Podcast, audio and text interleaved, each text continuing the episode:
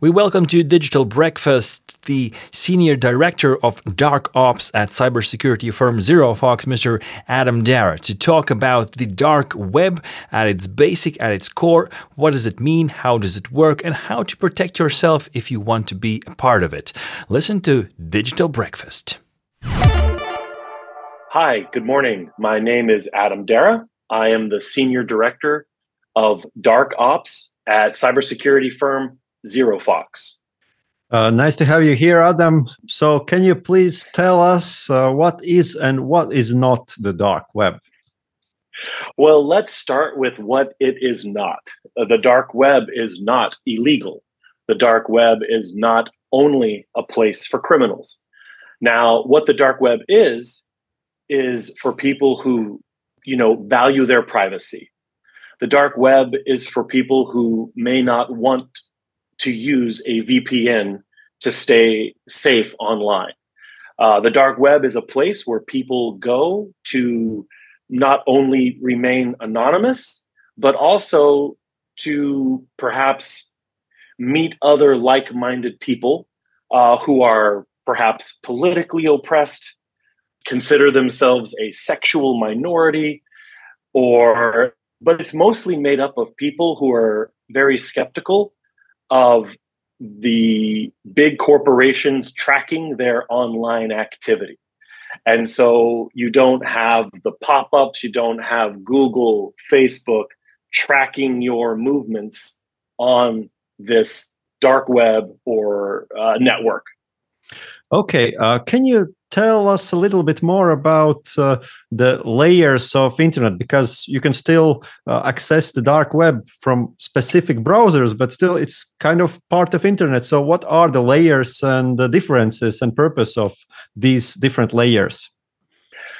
Excellent question. So it runs on something called the tor network or in other words tor stands for the onion router not Thor or Thor like the superhero or the or the god Thor.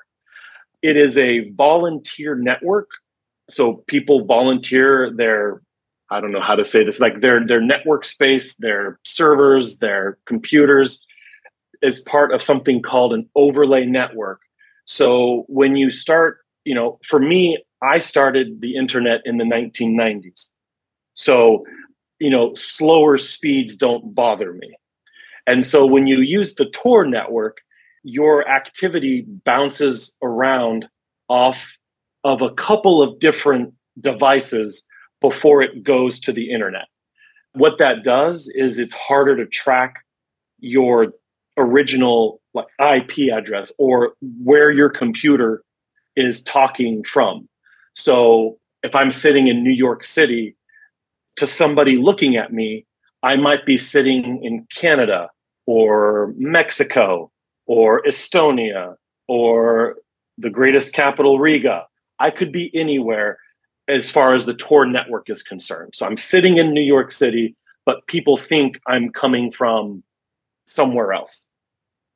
Okay, and how it is different from VPN services because it also allows you to kind of uh, not uh, show others where are you at the, at the right moment. Excellent. So, depending on what you're doing, there's actually, I know lots of people that use a VPN and the Tor network. That just adds another layer of protection between your device and the places you want to go see on the internet, right? So the difference is that the VPN offers you one layer, right? So I get to, but, but with a VPN, I get to choose where I'm coming from. So if I'm in New York City, but I want the internet to think I'm in France, I can choose to have that one hop into France. Uh, with the Tor network, it's random and it changes a lot. So that's the difference, right? So VPN is I choose my location, it's one hop. The Tor network is random and scrambled. Let, let me clarify one stereotype that people may have uh, when speaking of the dark web. Uh, sometimes people imagine that those are websites where you log in. Uh, those are the forums beh- behind the password. How much truth is there? Is it really so that there are some mysterious websites where we can get access to things we can't in others? Yes. So that's partially true. There is a part of the dark web that is invite only or that you need to register for. Again, it's very similar to the, you know, clear web or the the normal internet that we all use. The difference is so another thing to understand is that there are Tor or Onion or dark web mirror sites or dark web equivalent sites for you know websites that you use right now. I have the option to go to, for example, CNN. I have the option to go to CNN.com, but CNN also has a Tor version for people who want to access their site from the Tor network. So it's like the normal internet, except where you're coming from is is not known and it's a little slower. so for people like me that grew up in the 90s with the internet, no problem. We're like, oh, this is cool. It's still faster than that. But yeah, so that's really the only difference. And uh, how big is the dark web? You just mentioned that uh, also CNN has a dark uh, web page. Uh, is it very usual that, that internet pages have their duplicates in dark web, or or this dark web is is much smaller than the regular one, if we may call it that way? And can you even measure the size of the dark web? You know, I have a lot of I have that same question myself, uh, but conventional wisdom, really smart people have told me that the ecosystem of the dark web is l- much larger than the ecosystem of the conventional, clear, or regular internet. And so the dark web ecosystem or the Tor, T O R ecosystem is much larger, which means it's a it's very diverse. It's got everything down there. Now, is there disgusting stuff that happens? Yes. But it's not like you're going to be on the Tor network and all of a sudden somebody's going to want to try to steal your kidney. You know, you have to know where to go and you have to know who is who. And then you can find those more disgusting, more uh, dangerous parts. But by and large, the Tor network is just as safe and just as dangerous as the clear internet or the normal internet. Uh, you already mentioned some of the use cases for the dark web, but uh, what are the main benefits and, and risks of, of using the dark web, and and uh, what kind of content and services are available on the dark web, and, and why people choose choose this? So here's an example. I was giving a digital hygiene presentation for a local church uh, in my hometown. And I showed them, I wanted to show them what the Tor network was. And so I brought it up on my screen and I, I simply went to Google, right? As I was switching to Tor, everybody was like, no, don't, don't do it. Tor is dangerous. People shouted this at me.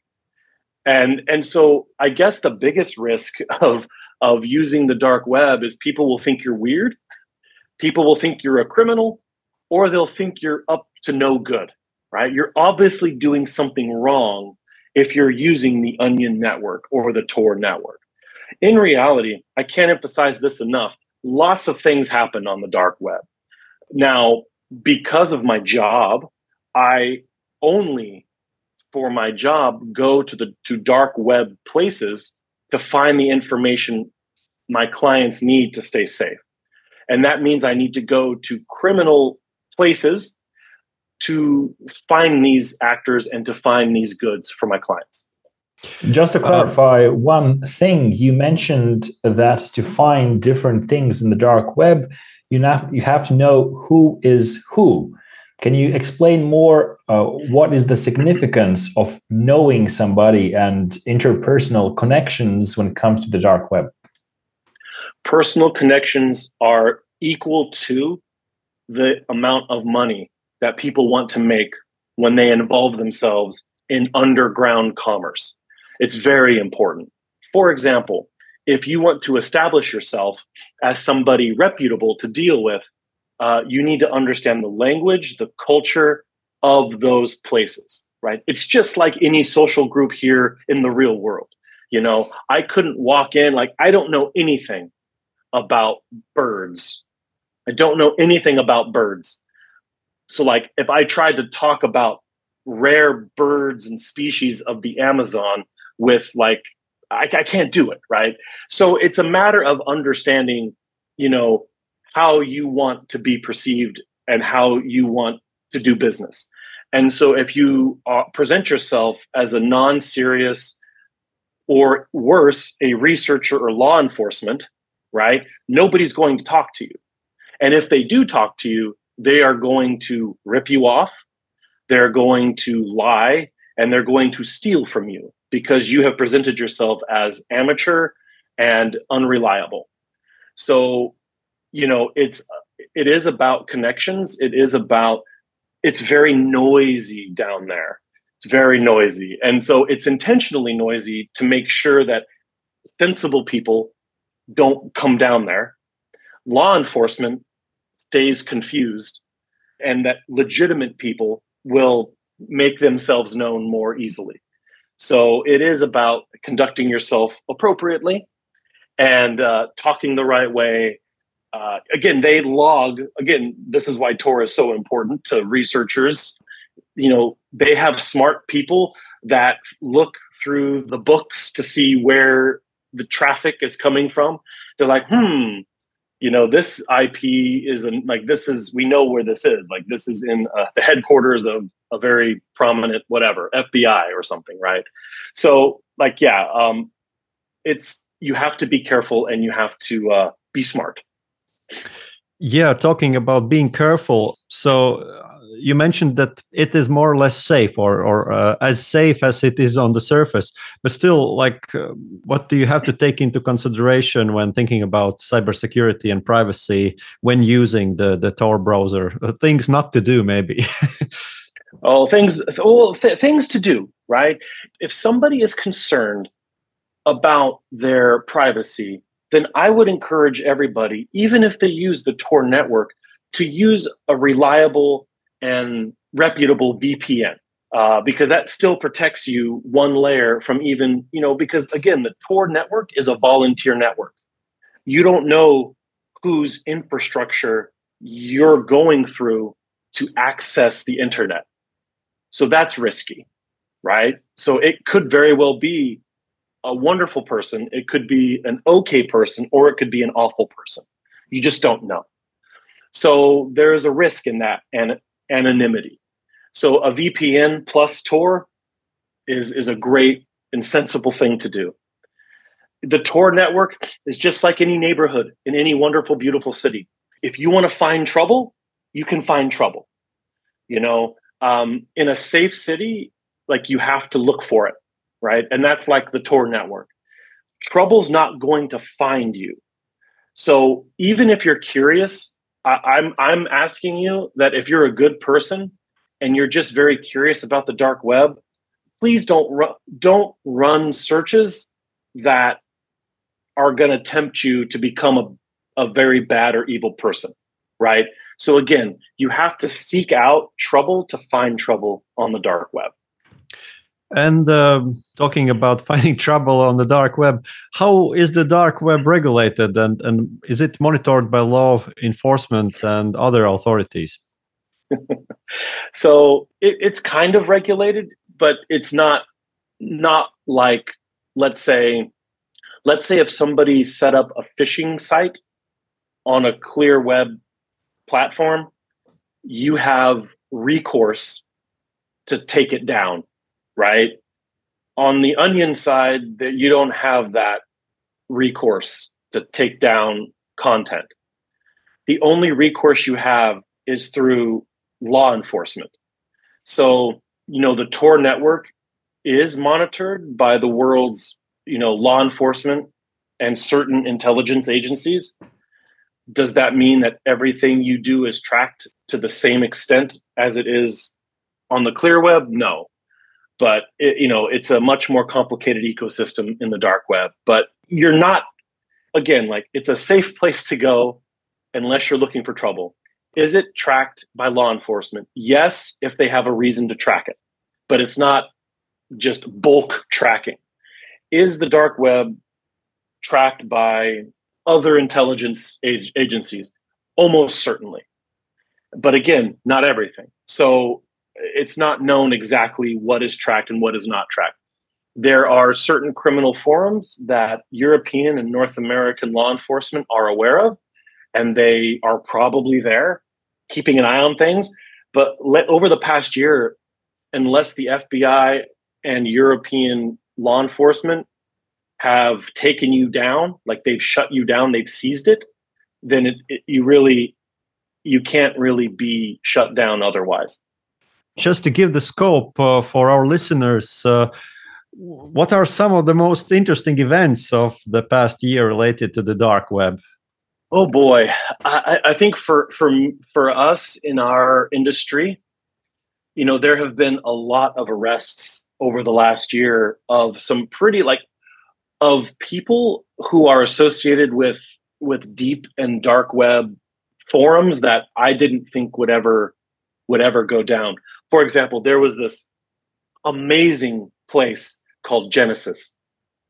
Genesis was a dark web place where you could buy one of the most sophisticated, dangerous, but amazing tools, right? You could buy somebody's actual digital footprint. Like I could buy something it's from that that like so if a if a user had a an infection on their machine, I could go to this place and buy everything about them, put it on my machine, so their banks thought that I was them and I could steal from them. It was un- an unbelievable place to go. Uh, it was very scary, but unbelievable. It was a great source of intelligence, but a very dangerous place if you had an infection on your machine because I could become you with a click of a button. They even developed the first of its kind, a plugin that you could put on your browser to become like it was, so it was one click, one click. And the, the, the genius thing about this, this whole place, Genesis, was that it kept updating. So every time the victim changed their password, I would get an update. So like nothing could prevent me from stealing from you. And you know, kudos to European and American law enforcement because they arrested people that were doing this. Uh, it was it was it was an amazing place. It, I couldn't believe it that they were arrested. I couldn't believe it. So uh, for us in cybersecurity, at least for, for people like like me in cybersecurity, that was it was a very significant event. And I believe probably the most amazing thing that law enforcement could have done over the last six months to keep us a, a little safer online. I don't know if you uh, can um, elaborate on this, but in our uh, geographical uh, location, a, a, highly important event that is going on uh, for almost, I think, two years is the attack uh, in Ukraine by Russia. Uh, can you speak of anything happening on the dark web and what role the dark web plays in this aggression? First, I want to say Slava Ukraini. Second, I want to say God bless Latvia. Latvia is the most loyal partner, loyal NATO partner, and loyal friend to Ukraine. I know very well what Latvia is doing to support not only the military effort, but more importantly, the morale of the Ukrainian people um, God bless Latvia. Thank you for what you're doing. And you are right on the doorstep. Your neighbor is awful. You have one of the worst neighbors on planet Earth and one of the most evil neighbors on planet Earth. And, and Latvia has been strong. Latvia has been and continues to be a shining light uh, during this dark war. So thank you, Latvia. And I will just say that the dark web continues to play uh, a role in this war of aggression, this needless war. And for example, we are familiar with a couple of, of threat actors who are Russian loyalists who live in the occupied territories of eastern Ukraine. And they continue to launch attacks, cyber attacks, or provide, more specifically, provide tools and support that would affect European and North American companies. So, although they're not probably not, we don't know, although they're probably not directly related to Russian intelligence or Russian military operations, they play a very specific role, which is to amplify Russia's messaging, to amplify Russia's capabilities that, in my opinion, aren't as wonderful as everybody thought they were or scary as everybody thought they were. Still scary, but not as scary. So the dark web continues to be a place where pro Russia actors continue to sell tools and capabilities to harass and to take down companies and including their reputation. So uh, those tools are very much alive, unfortunately, and and the Russian criminal class continues to support this immoral war against a peaceful people in Ukraine. And quite honestly, you know, the Baltic countries are still very much a target from a cyber perspective. You know, you are NATO, and you're not only NATO, you're the most vocal proponent for peace in Ukraine and providing comfort to Ukrainian refugees. And so they don't like that. They don't like that Latvia is full of good people doing the right thing they view that compassion and bravery as somehow anti Russian. It's ridiculous. It's silly. So, yeah, from a cyber perspective, your awful neighbor uh, is also wanting to embarrass you uh, on the cyber side of things. So, stay strong, Latvia. Thank you so much. Uh, on the other hand, uh, dark web can be also help for dissidents, right? So that people in Russia that cannot uh, express uh, in the surface web or, or the clear web they can use this to give information to journalists uh, to openly communicate and and uh, not being bothered by somebody listening to them from the law enforcement side well said that is absolutely true again it cuts both ways the dark web is is a place where really evil people can try to execute their plans, but it's also a place for heroic people to also combat the evil. So thank you for for reminding me that it's not all dark and negative. You know, it is a light for people who don't whose country again whose country makes it illegal to stay safe online. Russia is passing law after law to prevent heroic acts by common people, by dissidents, politicians, business people. So yeah, that's an excellent point. and it's true. Just, just to finish up uh, the conversation, so what's the future of dark web to your mind? Like, can we have dark metaverse maybe in the future or something like that?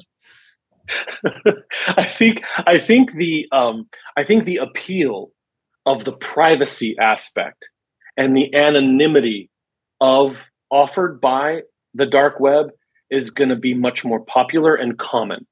I think in the next three to five years, there'll be less of a stigma for using the Tor network or the dark web to remain anonymous and safe online. That's what I think. Now, how people are going to use metaverse if they're going to try to create, you know, like a Tor or dark web version of Meta, you know, probably. I mean, uh, or an unauthorized version of Meta, probably. Uh, but I don't know. Uh, I hope not. But you know, human nature is human nature. We we like to live dangerously. We get new toys, and some of us think, "Oh, this is so cool! I can talk to my friends." Other people are like, "Let's steal everything." So we'll see.